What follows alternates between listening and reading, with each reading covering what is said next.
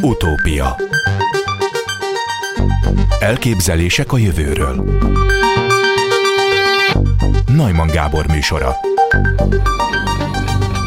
egy új tanulmányban magyar szakértők tártak fel új részleteket a neuronokkal kapcsolatban. A kutatók egy éber állat hipokampuszát vizsgálva az idegsejtek plaszticitásának eddig ismeretlen jellemzőit fedezték fel, írja az MTI.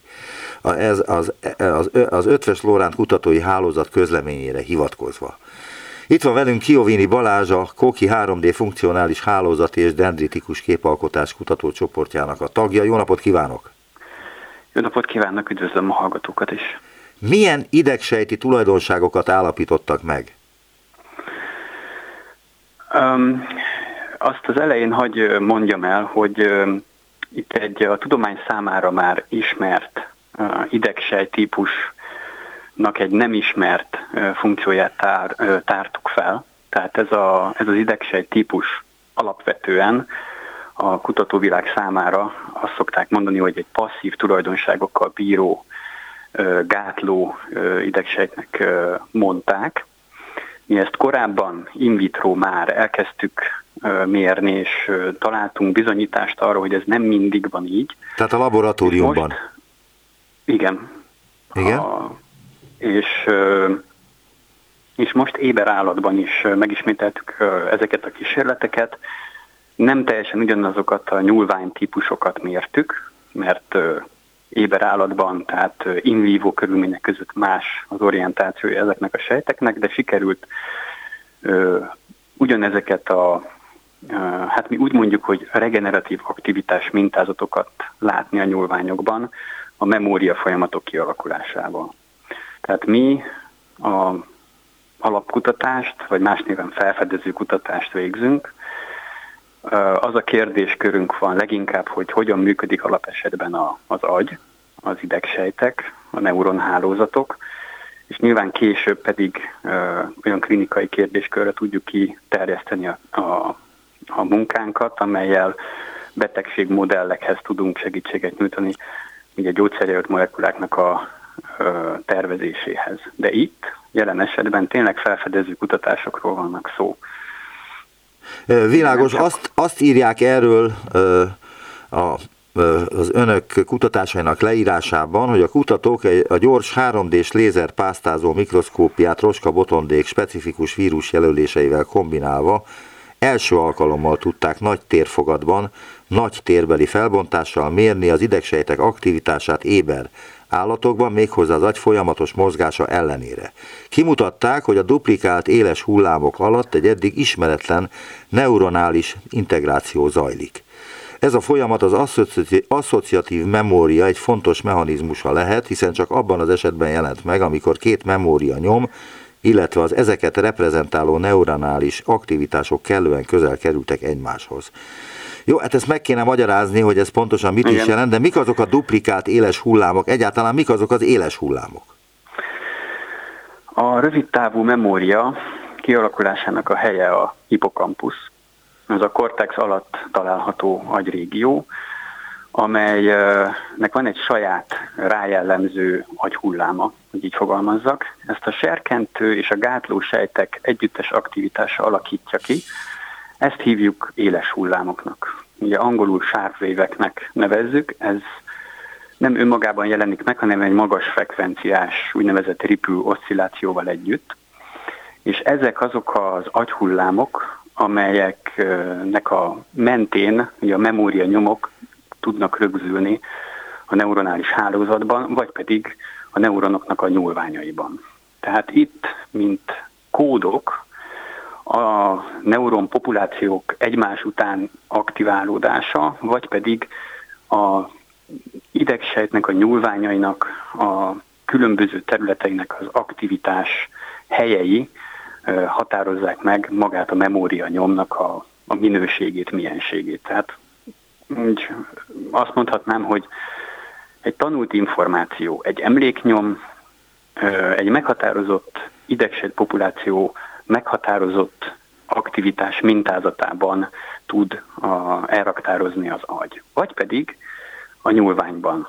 Tehát Igen, tehát... Mentén vannak bocs... ilyen aktivitás helyek, lokációk, és ezek határozzák meg egy-egy emléknyom, egy-egy mintázatban mondhatnám azt is, hogy ég bele a nyúlványba. Igen, ez az ég bele, ez érdekelne, gondolom, hogy ez érdekli a tudósokat is, tehát hogy ez mit is jelent pontosan, tehát hogyan történik a memorizálás álmunkban. Tehát, hogy ugye vannak akkor bizonyos emlékjelek, amelyek megjelennek, és ezek hogyan rögzülnek a hipokampuszba, illetve ahol rögzülnek? A tanulás folyamatakor, um, mikor bármi lehet ez szöveg, navigáció, tapasztalás, vagy valaki másnak az elmondása, a szenzoros érzékelésünk eljut odáig, hogy az agy bizonyos területei, bizonyos ö, ö, sejtjei aktiválódnak, csupán arra az egy nyomra, csupán arra az egy információra. És alvás alatt ezek, a, ezek az információhoz kapcsolt sejtaktivitások, vagy a nyúlványmenti aktivitások megismétlődnek. Újra meg újra. Várjunk ezek... csak, akkor, hogyha tanulok valamit, mondjuk egy nyelvet, igen. és mielőtt lefekszem aludni, szavakat tanulok. Megtanulok legalább mondjuk 50 szót. És ezt Igen. ki is kérdezik, és ezt tudom. De ahhoz, Igen. hogy ezt igazából tudjam, ahhoz aludnom kell? Igen, segít az alvás. Nem biztos, hogy, tehát lehet, hogy anélkül is megmarad, de az biztos, hogy segíti. Sőt, a fenntartásban az, hogy a következő éjszaka is nem muszáj, tehát a sárfévek, vagy ezek az éles hullámok nem csak alvásnál jelennek meg. Sokszor, amikor a pihenő, pihenünk, vagy az állat pihen, étkezésnél, ivásnál, tehát olyankor, amikor más módba kapcsol ugye az agy, de legjellemzőbben az alvásnál tud ez igen így kialakulni, és akkor újra, újra meg újra aktiválja a nyúlványmenti mintázatokat, ami egy bizonyos információhoz köthető, vagy egy neuronpopuláció, nyilván attól függ, hogy mennyire komplex a tanult forma, és mennyire fontos, mert ugye a fontosság is megjelenhet abban, hogy ez hány idegsejtben mekkora populációt érint, és így tud rögzülni. De ezt hogyan rögzül? Tehát elektromágneses jelekről van szó, amelyek rögzülnek valahol a szövetben? Vagy hogy történik Amiket ez? mi vizsgálunk, hogy a, a kísérletnél maradjunk, hát hogy a hallgatók is jobban megértik, tehát mi, amit mi látunk, ebben a tudományban ezt, publikációban ezt közöltük le, tehát mi alapvetően fluoreszcens festékekkel foglalkozunk. Ezeket a fluoreszcens festékeket két foton mikroszkópiával jelenítjük meg, vizsgáljuk. Tehát amikor a sejtek aktívak, akkor mi látunk egy fluoreszcens felvillanást. Azon a területen, azon a helyen, ahol a sejt aktív, vagy azok a sejtek, amik aktívak. Tehát mikor felvillan egy ilyen lokáció, az azt jelenti, hogy ott ionok mozdulnak el. Tehát legjellemzőbben kácium szenzorokat használunk, tehát a káciumhoz kötött fluoreszcens festékekről van szó. Aktivitás során ionok mozdulnak a idegsejtek membránjain keresztül az idegsejtekbe, vagy az idegsejtekből ki, és mi ezeket a folyamatokat tudjuk ö, nyomon követni. Ezeket lehet egysejt szinten elektrofiziológiával is vizsgálni, lehet populáció szinten elektródákkal, de már mi ott tartunk, ugye, hogy a nyúlvány szintű aktivitást szeretnénk, tehát nem csak a sejtnek egy általános aktivitását, amit a, ami a szómához kötött, a sejtesthez, vagy a sok sejt együttes aktivitását, amiket ilyen helyi mezőpotenciálra lehet elvezetni, amiknek ugye az eredménye például, hogy el tudjuk vezetni az éles hullámokat, hanem már olyan finomságban tudjuk nyomon követni a memória nyomok kialakulását, hogy a nyúlványokat végig pásztázva keressük azokat a területeket, ahol megnő ez a kálcium-ion koncentráció, ami indirekt módon mutatja meg, hogy ott a sejt ö, aktiválódott. Tehát valami történik. Igen, valami történik. Ezeken a területeken. És ez a hipokampuszban van ki, kifejezetten csak? Nem, ez bárhol előfordul. Tehát ott, ahol a, a két sejt között megnő egymással a kommunikáció, ott ez a fajta aktivitás megjelenik. A hipokampuszban itt a rövidtávú memóriával kapcsolatos folyamatokat vizsgáljuk. Itt ez az éles hullámhoz kötött jelek, az a hipokampusz sajátossága, de az agy nagy általánosságban így működik, hogy ott, ahol két idegsejt kapcsolatot létesít egymással, ott ö, neurotranszmitterek segítségével kommunikálnak egymással, és ők megváltoztatják a membrán potenciáját egymásnak a, mem- a membrán potenciáját, és így hatnak egymásra. Igen, de azt kérdeztem az előbb, ami lehet, hogy egy ilyen alapvetés ebben az egészben, hogy hogyan történik ez, tehát hogy elektromágneses jelekkel, vagy vegyi úton, ez tehát valami kémiai ö, jelekkel, vagy mivel? Igen, ez a ionok feszültség változással tudnak kommunikálni egymással, és ezeket az ion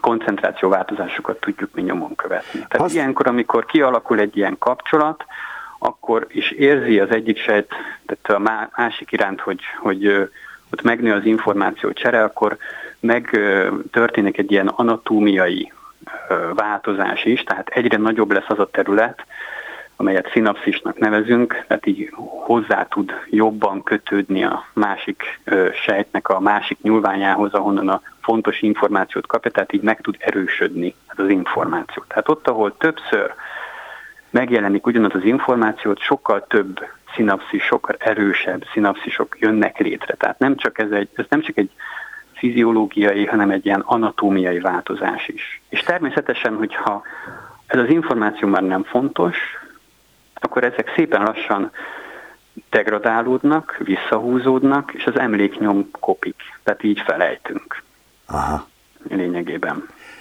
Én azt figyeltem meg, hogy én arra emlékszem igazából, amit több oldalról tanultam meg, vagy több oldalról emlékezek rá, tehát emocionálisan, emocionálisan is ö, ö, jelent valamit, meg más szinten is, emlék szinten is, tehát többféle, több időben kell megerősíteni egy emléket ehhez, és én arra gondoltam, hogy nem biztos, hogy csak a hipokampuszban raktárolózódik el az, ez az emlék, hanem talán máshol is. Nem, ez a rövidtávú memóriával kapcsolatos. Tehát a hipokampusz igazából a rövid távú memóriát erősíti meg ahhoz, hogy ez egy hosszú távú memória legyen. És az a hipotalamuszba kerül a hosszú távú az, memória? Az fölkerül a kortexbe, a kortikális régiókba. Tehát a központi Persze természetesen ez minden mindennel össze van kötve, és, és nagyon sok agyterület, tehát mindegyik hatással van a másikra. Tehát az, hogy hol ül el egy memórianyom, tehát hogy egy szag alapján egy kép villan be, igen, igen. vagy egy kép alapján egy szag, vagy egy érzés, hogy mm, jól érzem magam tőle, vagy rosszul. Ezek az, ez, ez, ez amiatt van, hogy ugye össze van húzalozva a, a szenzoros, a motoros ö, ö, kérgirészek. Tehát lényegében a hosszú távú memória kialakulásához eszenciális, ugye, hogy a rövid távon is megmaradjon az információ, és hogyha ez tényleg átmegy um, többször ezen a körön, ezen a hipokampális körön, átmegy ez az információ, akkor utána továbbítódik a magasabb uh, agyi területek felé, ahol ez hosszú távú memóriává tud felfejlődni. A nagyobb agyi területek felé ez mit jelent? A nagy agyba, vagy hova történnek ezek a, a dolgok? A igen, mert a hipokampusz ez egy ősibb jellegű kortex, ami mélyebben helyezkedik el, és tehát ez elkülönül a neokortexel, agykéreggel, vagy nagy agykéreggel, igen. Tehát az a kettő nem egy is ugyanaz, és pont ezben volt például nagy nehézségünk technikailag, hogy hogy lehet megoldani azt, hogy mélyebben lévő agyi struktúrát hogyan vizsgáljuk, mert egereknél is ugye ez a kortex alatt található, tehát itt is kellett bravúr ahhoz, hogy, hogy úgy lássuk a hipokampális sejteknek a működését, hogy ne veszítsük el a jelzaj arányt, a, a jeleknek a, az élességét. Tehát, hogy el tudják különíteni azokat a jeleket, amiket megfigyeltek, azoktól, amelyek egyébként léteznek különböző okok miatt. Hát meg, hogy egyáltalán lássuk egyrészt anatómiailag a struktúrát, másrészt pedig működés közben. Ehhez mit kellett csinálni az egerekkel? Elnézést, hogy ilyen Egy durvát kérdezek. Nem, nincsen. Egyébként minden le van közölve, tehát ezt bárki elolvashatja. Szerencsére Nature Communication ez egy open access folyóirat, tehát bárki le tudja tölteni, bárki el tudja olvasni. Ez külön öröm nekünk. Tehát ilyenkor egy ablakot nyitunk az állatnak a koponyájára, és a kortex helyére beültetünk egy, egy adaptert, amin keresztül lelátunk egészen a hipokampuszig. És az egészet lényegében rögzítjük, és hát az egér onnantól kezdve már így él.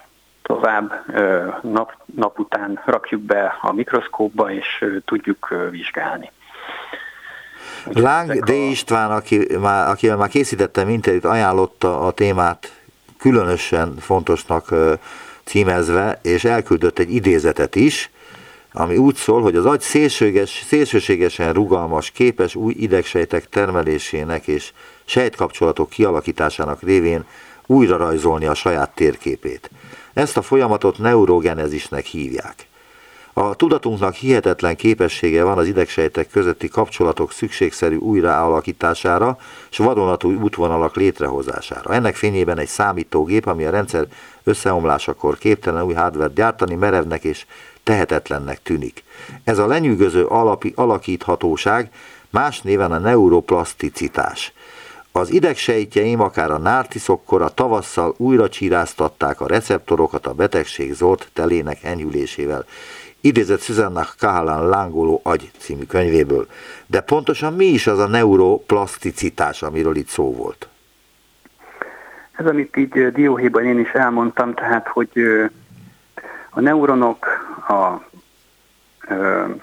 populáció szinten, tehát amikor hálózatot nézünk sok sejtel, de a nyúlvány szinten is, hát plastikusak. Ez azt jelenti, hogy ö, morfológiailag és funkcionálisan képesek változni, változtatni, alkalmazkodni az információ átvételére és az információ befogadására. De ugyanakkor viszont a felejtés útja mentén képesek ezeket a vissza degradálni.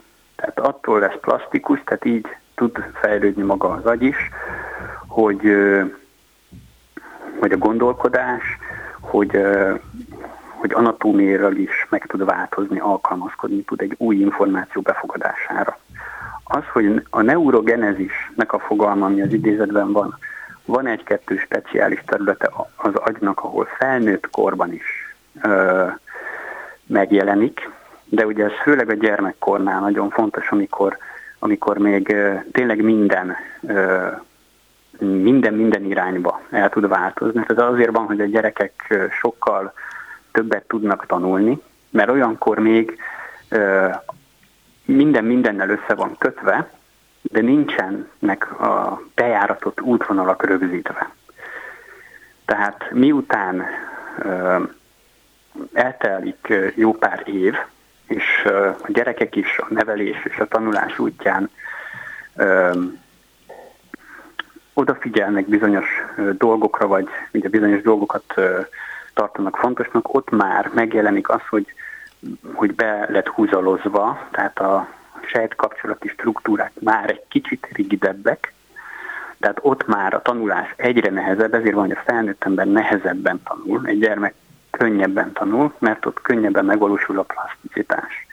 Egy felnőttnél nehezebb, de ilyen nyúlvány szintű plaszticitás az itt is megvan, tehát mi is ezt nézzük, sokan ezt nézik, hogy hogyan tud egy információ megragadni, és hogyan lehetséges az, hogy egy, egy apró információ, amit mi is találtunk, hogy egy, egy nem túl fontos információnak tűnő dendritikus eseményt hogyan növeszt meg ö, egy fontos információvá, tehát hogy ö, tud hangsúlyt fektetni rá.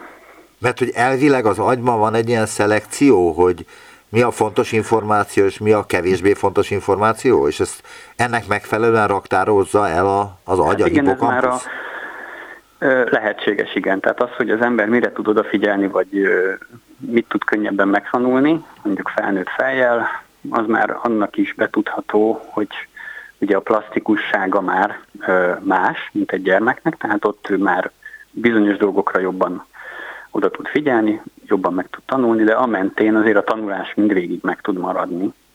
Tehát az, hogy, hogy igen, tehát az agy az, erre szoktuk mondani, hogy plastikus. Aha. Azt írják egyébként a kutatásukról, hogy önök egy teljesen új jelintegrációs mechanizmust fedeztek fel. A megfigyelések alapján azt feltételezik, hogy az asszociatív memória egyik fontos mechanizmusára bukkantak. De mi a különbség az asszociatív memória és a normál memória között? Hú, hát... Tudom, hogy erről beszélt, így, hogy itt... Uh, mi ezt így konkrétan direkt módon nem vizsgáltuk, az asszociatív meg a... Tehát ugye, mm, hogy kicsit világosabb legyen a hallgatóknak is, tehát hogy tehát mi tényleg kifejezetten ezt a, a éles hullámok alatt megjelenő dendritikus jeleket vizsgáltuk. És ezt úgy tudtuk éberállatban megmérni, hogy ahogy említettem, nem csak alvásnál, meg pihenésnél jelenik meg, hanem evésnél, ivásnál. Tehát mi vizet adtunk az állatnak, és ekkor megjelent a hipokampuszban ez az éles hullám, és akkor pedig mi néztük ugye az idegsejteknek a, a sejtszintű aktivitás mintázatait.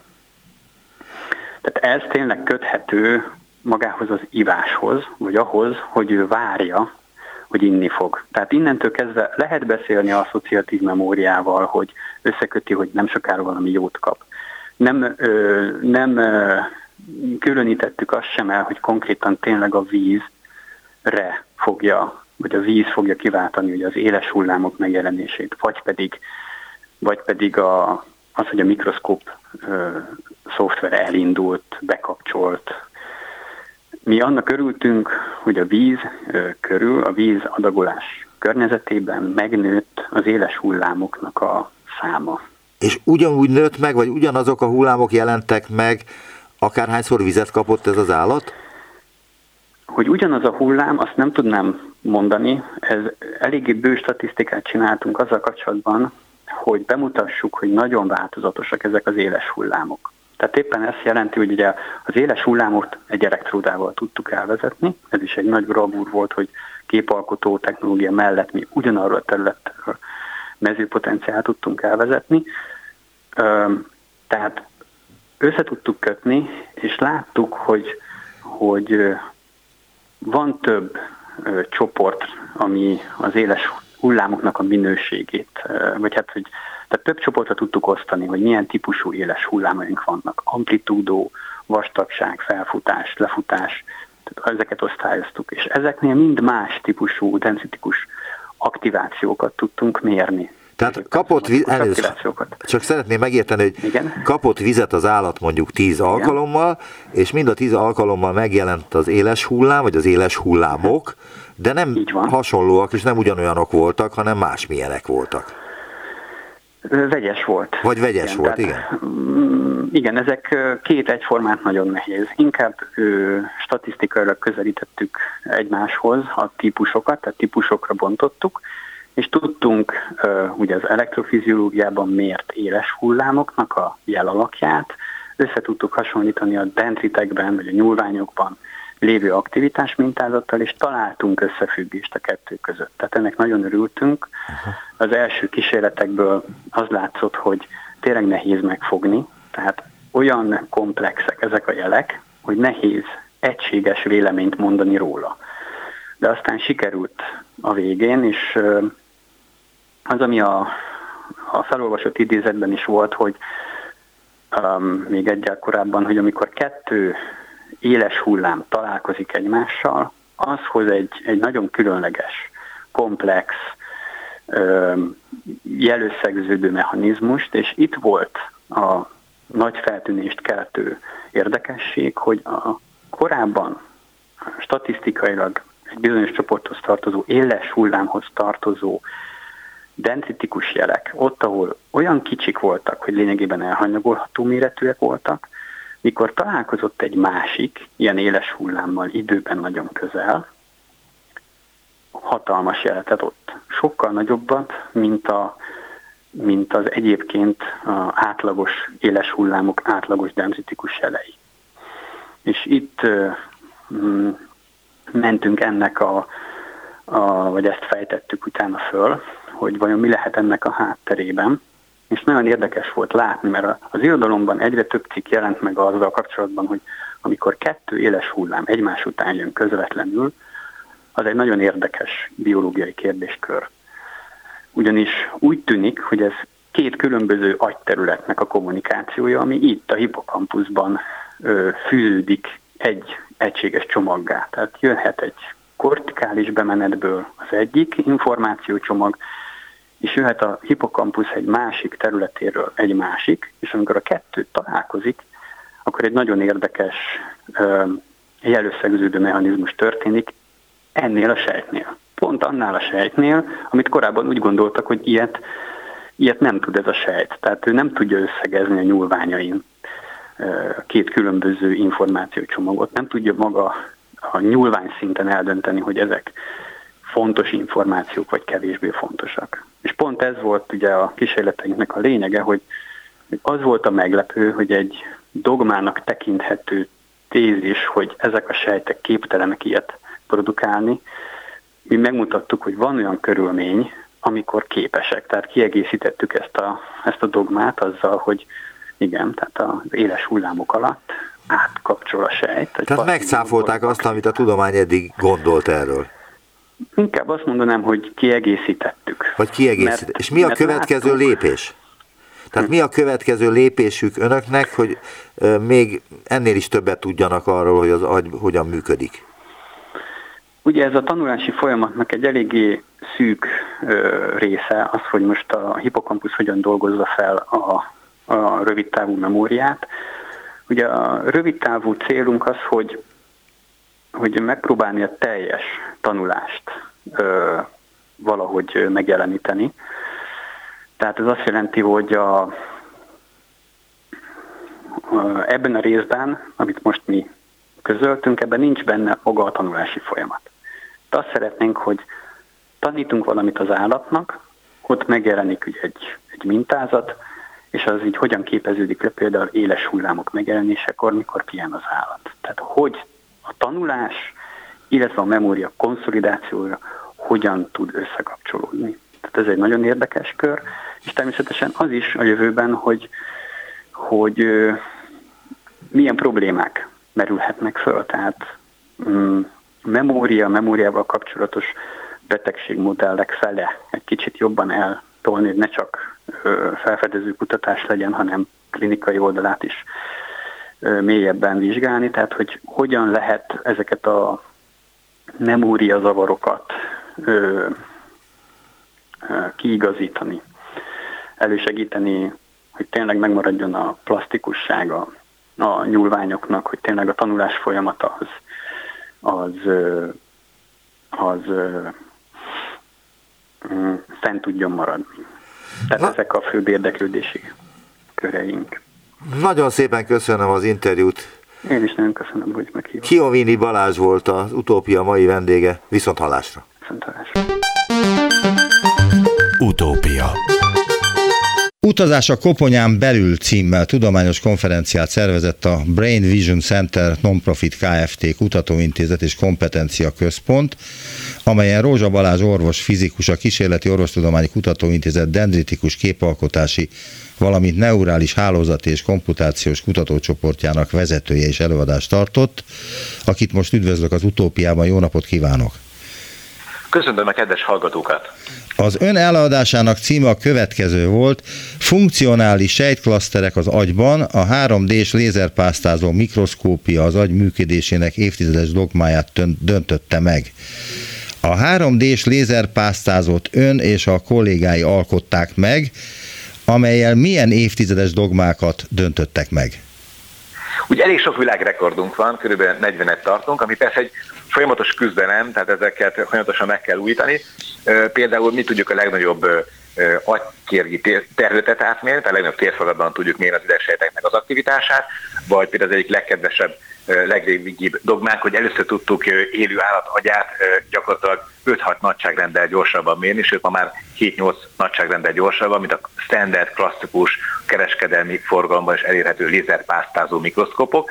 Ugye ezt úgy értük el, hogy az agy úgy is fel lehet fogni, már a benne levő jelölt funkcióvezető sejteket, mint egy ilyen mazsolás kalácsot, és mi nem az egész kalácsot szereteljük le, hanem csak a mazsolákra fókuszálunk, tehát ahol az információ van, és ez okozott egy, egy sebességnövekedést. És még sorolhatnám számos ilyen apróság van, aztán van egy listánk is erről, 40 ilyen rekordot tartunk, és itt most, amit bemutattunk az előadáson, az is egy-két ilyen rekord, technikai rekord volt, ami nagyon fontos hogy a jövőbeli diagnosztikai terápiás eljárások kidolgozása szempontjából. Például az egyik rekord volt, hogy 22 éve vágyunk rá, tehát még diákként kezdtük ezt a vágyakozást, hogy kezünkben legyen egy olyan feszültségmérési technika, ami az agyat nem indirekten méri, tehát kárcimereken keresztül, hanem nagyon gyorsan térben magát az aktivitásnak a lényegét, a membrán feszültséget, tehát az idegsejteknek a feszültség változását tudja mérni, és ezt gyakorlatilag 22 év után ezt a technikát sikerült megalkotnunk, ami kombináció egy genetikai módszernek és ami háromdimenziós lézerpásztázó mikroszkopunknak. Mi a különbség az EEG, ami szintén agyi elektromos hullámokat mér, és az önmérési technikájuk között? Nagyon-nagyon sok. Ugye vannak a klasszikus technikák, mint például egy emeri vagy EG, ezeknek vagy a térbeli felbontása, vagy az időbeli felbontása nem jó, vagy mindkettő. Tehát a mi technikánk az, amely gyakorlatilag az agy felbontásának a skáláján, tehát ugye az agy az sejtekből, sejtnyúlványokból áll, tehát ezen a skálán jelennek meg az aktivitás mintázatok, ezen a skálán tudja térben is precízen beazonosítható módon mérni az aktivitást. Ez a, ez a lényege. Tulajdonképpen nagy, nagy idő és térbeli felbontással tudjuk vizsgálni nagy térfolatokban az agyműködést. Természetesen a többi technikának is van hatalmas előnye, de mi is kombináljuk a felszíni elegi elvezetéseket azért, hogy lássuk a standard agyhullámokat, és megértsük, hogy amikor klasszikus agyhullámokról beszélünk, akkor pontosan milyen aktivitás mintázatok zajlanak az agyban, hogyan működnek a sejtek egy-egy agyhullám alatt, és ezáltal értjük meg az agyhullámoknak a pontos szerepét. Egy interjúban megkérdezték öntől, hogy mire a legbüszkébb, és a következőt válaszolta. Hát a háromdimenziós lézer mikroszkópra. Ez egy olyan optikai legókészlet, amelyből folyamatosan lehet építkezni. A háromdimenziós mikroszkóp technika új eljárásokhoz vezethet, hiszen a korábbinál sokkal pontosabb diagnosztikai módszerek épülhetnek rá. Korábban is tudtak 3D-ben mérni. A mi innovációnk lényege a háromdimenziós mérés sebességének 4-5 nagyságrendel történő megnövelése, ami lehetővé teszi, hogy az agyban zajló gyors fiziológiás folyamatokat megértsük. Egy 3D-s kép hagyományos makro, mikroszkóppal körülbelül 5 perc alatt készül el, a miénk ugyanolyan, jelen, ugyanolyan jelerősséggel egy millisekundum alatt.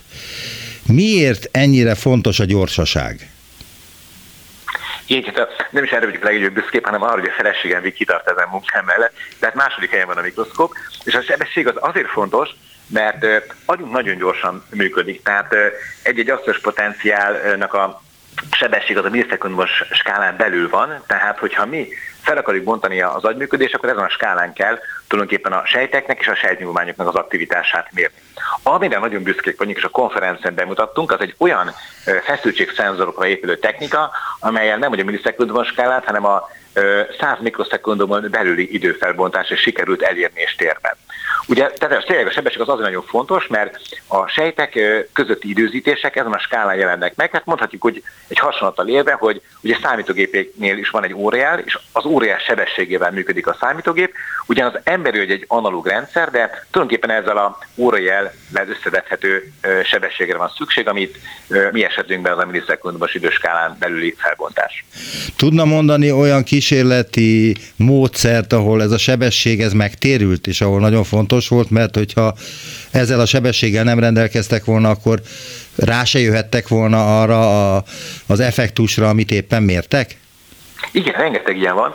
Például egy egész konkrét példa, mondok egy friss példát, amivel most szembesültünk két héttel ezelőtt, hogy volt egy feszültségszenzor, amit próbáltunk, a mi laborunkban is vannak hagyományos lézer pásztázó mikroszkopok, tehát ilyen galvó és rezonánszkenneres mikroszkopok, amelyeknek a lényeg az, hogy van egy adott sík, és ott szépen lézer uh, sugárral a maximális sebesség, ami technikai elérhető pász, tehát szépen sík, méri a síkot, és egy ilyen eszközzel vizsgáltuk a egyik legújabb feszültségszenzorunkat, és nem kaptunk jelet semmilyen.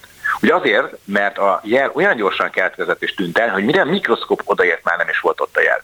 Tehát konkrétan ez azt is jelenti, hogy nem is mérhetők a jelek a világ leggyorsabb, legdrágább, legszuperebb hagyományos lézer mikroszkópjaival, mert egyszerűen a pásztázásnak a definíció szerinti minimum ideje az, az valahogy sokkal hosszabb, mint hogy, hogy lehessen ezeket a gyors jeleket mérni. Tehát konkrétan lehetetlen velük ezeket a nagy gyors fel- és lefutású jeleket mérni, míg a háromdimenziós mikroszkoppal pedig abszolút mértékben mérhető. Hogy, hogy kicsit szemléltessem, tehát ugye ez a mikroszkoppal 8 kHz sebességgel lehet mérni nagyon szépen ezeket a elektromos aktivitásokat, nagyon gyors működését az idesejteknek, hogy ezt elkezdem leszűrni, tehát veszem ezt a mért görbét, ezt a 8 kHz görbét, és szép lassan csökkentem a felbontását.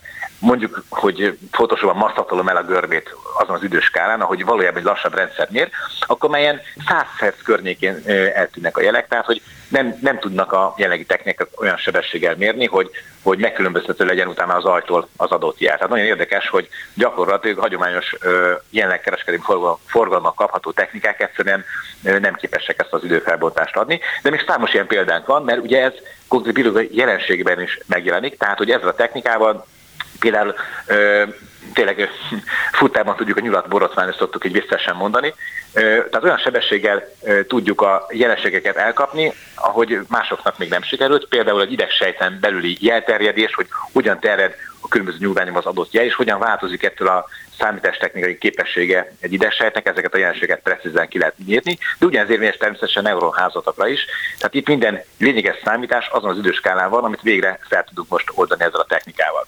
Korábbi módszerekkel ez egyszerűen lehetetlen volt, illetve volt egy olyan módszer, hogy hogy ugyanazt a jelenséget nagyon sokszor megismételték, és közben váltottak egy-egy síkot. Ugye egy síkban még ezekkel a régebbi kácium szenzorokkal egész nagy sebességgel lehetett mérni, de miközben sikot váltottunk, ugye egy lassú mechanikai mozgással volt dolgunk, és ugye akkor meg teljesen új állapotába került az agy. És tulajdonképpen azért nem lehet lassan sikról, sikra váltva, váltva mérni, megérteni az agyműködést, mert amikor ismételem ugyanazt a kísérleti protokollt, valójában az agynak a belső mintázat az teljesen más lesz. Tehát nem ugyanazt a jelenséget mérem. Tehát ezért, mert lépésenként, úgymond legókockánként, vagy, vagy szeletenként összerakni az agyműködést, mert nem tudok olyan szereteket csinálni, amelyek egyformák lennének. Tehát minden egyes szeret már más más háromdimenziós jelenségnek a szelete. Tehát hiába váltom a síkokat, nem ugyanazt a jelenséget szeretelem, és ezért minden szeret teljesen más fog lenni, egy teljesen más rendszerről kisztett szeretet kapok. Tehát ezért gyakorlatilag egybe kell, egy nagy térfogatban kell lenyernünk az aktivitás egyszerre, és nem tudunk szervenként építkezni. Tehát nem tudom, ez érthető volt ez a hasonlatom. Hát körülbelül érthető volt, csak rákérdeznék valamire, hogy az emberi szervezetben a perifériás idegrendszer is hasonló sebességgel működik, mint az agyban, amiről beszélt? Hát sőt, több, gyorsabb is tud lenni, ha úgy nézzük, hogy a sebességet mérünk, tehát milyen gyorsan futnak a jelek, akkor a perifériás idegrendszer az még gyorsabb is tud lenni, hiszen ott a perifériás idegek be vannak csomagolva egyfajta szigetülő anyagba, és emiatt a szigetülő anyag rései között nagyon gyorsan tud a jel ugrani, hogy egy hasonlattal éljek. De igazából ott mi most nem végzünk méréseket, egyébként terve van véve, hogy bizonyos perifériás idegrendszeri betegségek mérésére is lehetne használni ezt a rendszert. Az emberi reakciót az olimpiákon is mérik, mert hogy amikor nem tudom, 100 méteres síkfutás döntője van, akkor ha valaki hamarabb reagál a pisztolyra, pisztolylövésre, mint ahogy fiziológiai lehetne neki reagálnia, kizárják a versenyből. És azt hiszem, hogy ezt 0,4 másodpercben állapították meg. Ez úgy stimmel a ön tapasztalatai alapján is, hogy az embernek körülbelül 0,4-0,3 szekundumra van szüksége ahhoz, hogy reagáljon bármire is? Hát mi konkrétan egy példát tudjuk mondani, hogy mi most állatkísérletekben végzünk ilyen méréseket. Ezt úgy tudnám egyszerűen mondani, hogy úgy hívják hogy attention, tehát a figyelem. És a figyelem nek vizsgáljuk a hatását az agyműködésre. Persze sok mindennek. Ugye vizsgáljuk egy jelenséget, az konkrétan a látókérekben a, a tanulásnak a jelensége. Ugye ezt azért vizsgáljuk, hogy újfajta agyinterfészeket fejlesz. És eközben mi megvizsgáltuk, hogy a figyelemnek milyen hatása van, és hát nagyon röviden sommásan összeszedném, tehát hogy, hogy amikor a figyelem szintje maga, bocsánat, a figyelmet azt elfelejtettem mondani, ezt úgy mérjük egyszerűen a pupilla e, e, tágasságán keresztül. Nagyon érdekes, hogy indirekt jel, és olyan közepesen pontos megbecsülése ez a, a pupilla tágasságával mérés, egész jól tükrözi azért a figyelmi szintet, és azt tapasztaltuk, amikor magasabb a figyelem, teljesen máshogy működik az agy. Tehát alacsony figyelemben például nem jön létre szinkron aktivitás a sejtek között. Ha magas figyelem van, akkor sokkal több sejt aktiválódik, sokkal magasabb amplitudóval, sokkal precízebb és jobban dolgozik az agyműködés. Ezt lehet látni így, mondhatni, hogy mérésről mérésre, tehát úgy értem itt, hogy, hogy egy mérés alatt most egy ilyen négy szekundumos mérésű blokkot mondok, tehát ilyen szekundumonként lehet látni, hogy éppen milyen figyelmi állapotban az agy. Sőt, ha én ránézek most egy, egy háromdimenziós mikroszkóppal mért görbeseregre, tehát azt jelenti, hogy akár több ezer sejtek az aktivitás görbén, én azonnal látom, hogy az állat milyen szinten figyelte az adott feladatot. Meg tudom már, vissza tudjuk olvasni az agyat, tehát hogy látom az agyi aktivitásból, milyen, milyen szinten kezelte azt a feladatot, tehát milyen szinten reagáltak az idegsejtek. Amikor mi ezt az interjút megbeszéltük, szóba került Roska Botond előadása is, aki a nem látó embereknek hozott létre egyfajta látást, és megjegyezte ön, hogy ön is foglalkozik eh, látással, amit az előbb is erre utalt. Eh, erről mondana valamit bővebben? Igen, tehát a eh, Botond nagyon jó barátom, már 13-15 éve dolgozunk együtt, nem is tudom pontosan ki kéne számolni, és ugye most ő ott jár, hogy, hogy korábban vakembereknek tudnak részleges helyreállítást adni a szemen keresztül. Tehát azt jelenti, hogy a szembe jutatnak be egy genetikai anyagot, egyfajta fehérjét, amely újra érzékenyít teszi bizonyos betegségekben a, a szemet, tehát újra fényérzékeny, és ezáltal gyakorlatilag korábban teljesen vakbeteg, most már tud ugye akár a konyában uh, sütni, főzni, tehát látja a tárgyakat az asztalon, és tudja különböző eszközöket használni, megkülönböztetni. És ugye egyrészt uh, Botondal ebben a témában dolgozok együtt, tehát hogy fejlesztünk Botondal, Botondal közösen Botonnak egy olyan mikroszkópot, amelyvel ezeket a terápiákat gyorsabban és hatékonyabban meg lehet ö, vizsgálni.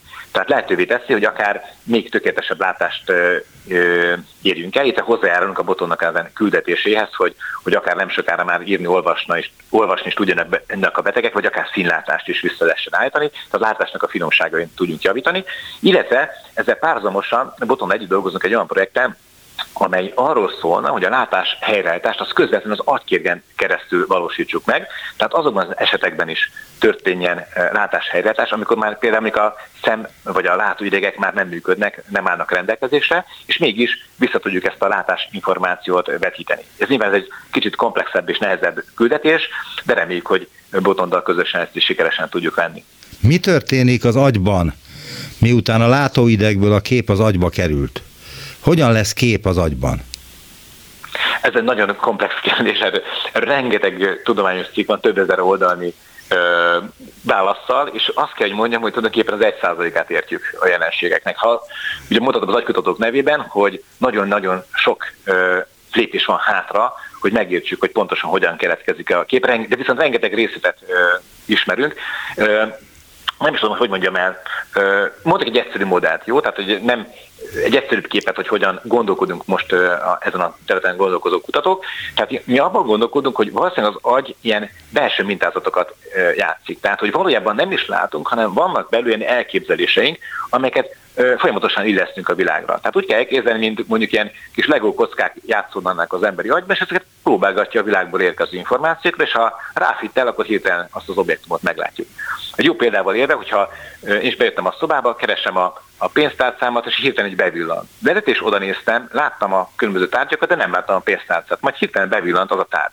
De ugyanígy van, ha az ember valami elkezd foglalkozni, akkor elkezd észrevenni olyan dolgokat, amelyeket korábban nem látott. Mikor keres egy új hobbit magának, akkor hirtelen mindent észrevesz, ami azzal kapcsolatos, és előtte még évekig ment el azon a utcakaszon, és észre se vette ezeket a kirakatokat, egyebeket. Amikor elkezd valaki egy új hobbit például csinálni, akkor újra, tehát átalakul a látása. Tehát a látás nagyon bonyolult dolog, és valójában nagyon erősen épül egyfajta belső látásra, amit az előbb mondtam, tehát van egy ilyen belső reprezentáció, ami folyamatosan játszódik az agyban, és ez fitteli a, a, a külső világot. Ugye emellett a látás egy igen komplex dolog, tehát hogy rengeteg minden... Bele, belekérdezhetek ebbe, amit mond? Igen, igen, igen, abszolút. Azt kérdezném, hogy akkor ez olyan, mint az agynak lenne egy hatalmasnak lexikonja, amelyben mindenfajta forma, szín, kép, stb. szerepel, és ha talál hasonlóságot a között, az információ között, amit a szemből az agyba közvetít az látóidegen keresztül az emberi szervezet, úgy akkor előállítja azt a képet, amit ő elképzel. Vagyis, hogy ez a kép ez nem feltétlenül azonos azzal, amit látunk? Igen, igen, abszolút. Ez, igen, pontosan ez, ez történik. Még egy példát mondanék, hogy ha például ö, afrikai ö, ö, benszülötteket ö, ilyen kábeleket, például elektromos kábeleket, amik visszintesen futnak a falon, nem is látták, nem vették észre őket, mert nem tanulták meg látni ezeket a mondhatnám technikai struktúrákat, viszont ugye ők észrevették a, a leveli békát, ami veszélyes mérget termel az őserdő közepén. Tehát, hogy nagyon fontos, hogy a kultúra, a tanult információ is teljesen át tudja formálni a látásunkat. A másik ilyen példa, hogy vannak bizonyos kultúrák, például egy keleti vagy egy nyugati kultúra teljesen máshogy értelmezi a teret. Ezek ott ö, jönnek elő, ha csinálunk ilyen trükkös ö, látástesztet, amikor még egy kockát kell úgy látni, nem tudjuk, hogy az most kívül vagy belül van, lehet mindenki gondolom látott már ilyen tesztet, és egy-egy kultúrából származó ember teljesen máshogy látja ugyanannak az objektumnak a, a térbeliségét. Tehát a látás egy tanul dolog is, ezt akartam ezzel kiemelni. Ismét egy interjúból idézek, a háromdimenziós lézermikroszkóp segítségével nagyon sok orvosi felfedezést tettünk. Némi túlzással minden, amit ezzel a rendszerrel merünk, valamilyen újdonságot hoz. Mondana néhány példát erre? Igen, igen. A, nem tudom, melyikkel kezdem. Például a egyik kedvenc területünk a idesejtek nyúlványában zajló aktivitás, és itt vettük például észre, hogy a korábban teljesen passzívnak kint egy, itt egy legfontosabb gátlósej típus, az a parvalbumin express, tehát a parvalbumin kifejező, gátlósejt, az valójában nem egy passzív kábel, tehát a nyúlványozók nem csak egy egyszerű részródok, amelyek passzívan vezetik az információt, hanem bennük igen bonyolult logikai műveletek zajlanak, tehát tulajdonképpen a nyúlványok egy-egy ilyen mini processzorral felszerelt egységek, ahol tulajdonképpen a neuronális számítás zajlik. És ezért egy teljesen más működést mutatnak, mint amit korábban az elmúlt 20 évben ezekről a sejtekről hittek. Vagy hát itt a látás kapcsán tettünk most elég sok felfedezést, úgy tűnik, hogy, hogy például a Rosson Attilával, barátom, aki most a Columbia Egyetemen dolgozik, közöltünk egy Nature cikket, amelyben a mi szerepünk ugye az volt, hogy, hogy egy újfajta mikroszkop technikát dolgoztunk ezekhez a, a mérésekhez, és ezt a témát azért említeném meg, mert itt van még egy, ezt, ezt emelnék így egy másik példának, itt van egy érdekes felfedezésünk, hogy az agy hogyan működik. Na konkrétan visszatérve akkor a példára, ugye Attiláik azt tették, hogy, hogy a memória központban kiválasztottak egy, egy sejtet, és megjelölték nem csak ezt a sejtet, hanem a környezetét is. És az volt nagyon érdekes, hogy amikor a memória központban egy ilyen sejt vagy spontán tanult, vagy még fényjel rávettük tanulásra, akkor az történt, hogy a sejt környezetében levő szomszédos sejtek is elkezdték ezt a tudást másolni.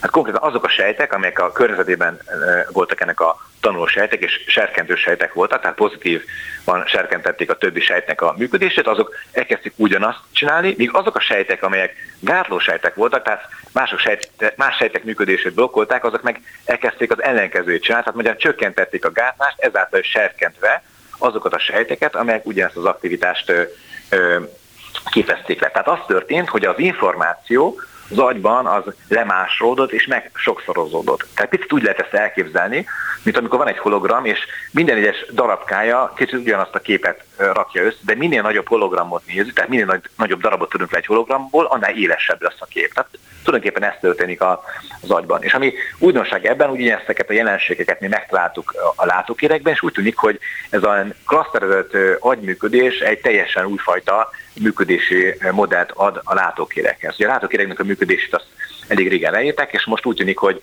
hogy lehet, hogy egy dogmaváltás lesz, nem csak általunk, hanem más kutatócsoportok által is, és ez igencsak hozzájárult a háromdimenziós mikroszkop, mert ezt teszi lehetővé, hogy a sejtek működését térben meg tudjuk tekinteni, és itt amikor azt mondod, hogy dogma, dogmaváltásról van szó, az pont arról szól, hogy úgy tűnik a, a sejteknek a térben szervezett klasztere az adja itt az agyműködésnek egyfajta új modalitását, és tulajdonképpen erről szólt a, a legutóbbi Nature cikkünk is, ami ebben az évben jelent meg, és az, az még ugye csak a Memoria központról szólt, és reméljük, hogy nem sokára egy újabb közleményt tudunk megjelentetni, amely viszont már egy általánosabban a látókiregről is ö, ö, tud szólni.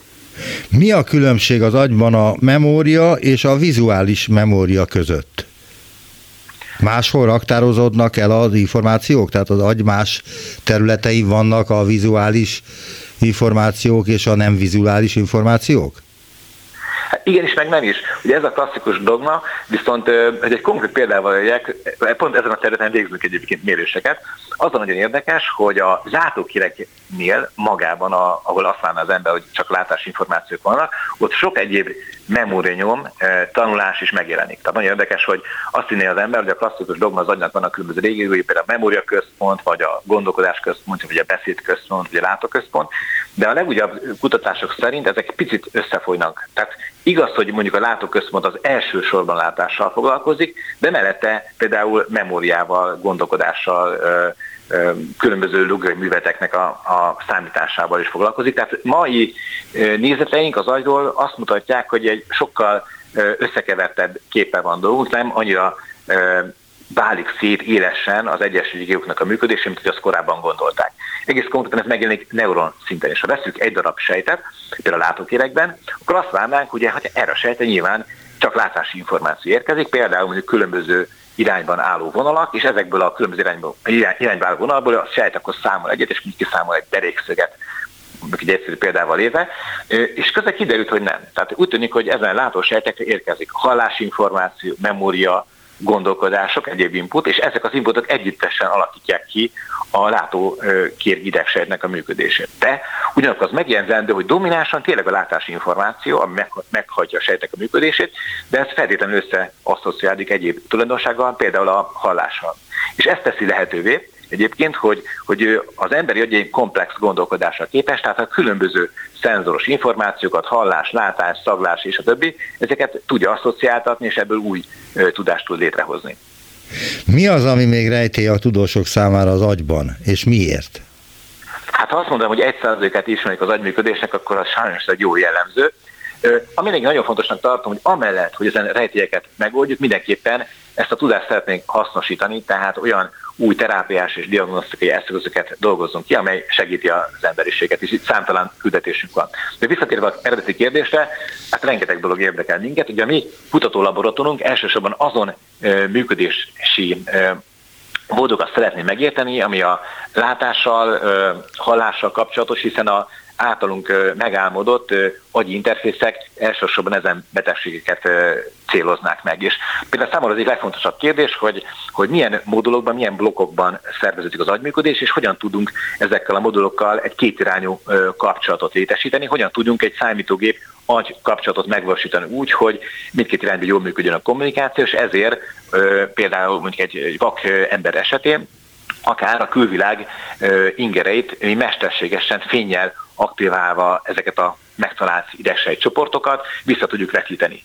Tehát a cél az, hogy akár egy vakember vagy teljes sötétségben egy mesterséges látást létre tudjunk hozni, de ez meg kell érteni, hogy a visszavetítésnek a módszertan az pontosan milyen legyen. Tulajdonképpen eszközük már van is, tehát kísérleti állat szinten gondolkodva, elkészültünk azzal a lézer pásztázó mikroszkóppal, amely olvasni és írni is tudja az agyműködést, és most ott járunk, hogy meg kell fejtenünk azokat a kódokat, amivel ez a diszk, amivel ez a lemez írható egyáltalán, és ott járunk, hogy szeretnénk megérteni, mik azok a pontos tér-időbeli mintázatok, amelyel az idegsejteket egymás után aktiválva megfelelő érzetet tudunk kiváltani az állatban. Ugye ezek a kísérletek már részlegesen e, e, sikerültek, de nagyon messze vagyunk attól, hogy egy, teljes látás helyreállásról tudjunk beszélni. És természetesen, ha ez megvalósult, utána tudunk tovább lépni akkor például egy emberi e, agyinterfész eszköz kifejlesztéséhez. Az előbb azt csak vízből mondta, hogy az emberi agy egy százalékát ismerik a tudósok, vagy ez igaz? Hát olyan komplexitások vannak, amely alapján ezt sajnos igaznak tudjuk állítani. Egyébként Botonnak is ez a... Botont is megkérdezték erről, hogy hol járunk, és ő szokta mindig ezt az 1 mondani, és ez igaz is. De ugyanakkor vegyük észre, hogy az 1 is már olyan eredményeket értek el például Botondék is, hogy ugye klinikai kísérletek során ugye 8 embert most már meg meggyógyítottak, vissza tudták ezt a látást részlegesen adni. Ugye amikor azt a 1%-a felülést teljesíti a kutatócsapat, nyilván ekkor tudjuk még tökéletesebbre formálni a látást, vagy akár olyan betegségekben is helyreállítani, amikor mondjuk például a retina, hogy a szem már nincs megfelelő állapotban. Nagyon szépen köszönöm az interjút. Rózsa Balázs, orvos, fizikus, a Kísérleti Orvostudományi Kutatóintézet dendritikus képalkotási, valamint neurális hálózati és komputációs kutatócsoportjának a vezetője volt az utópiában. Viszont hallásra! Köszönöm szépen!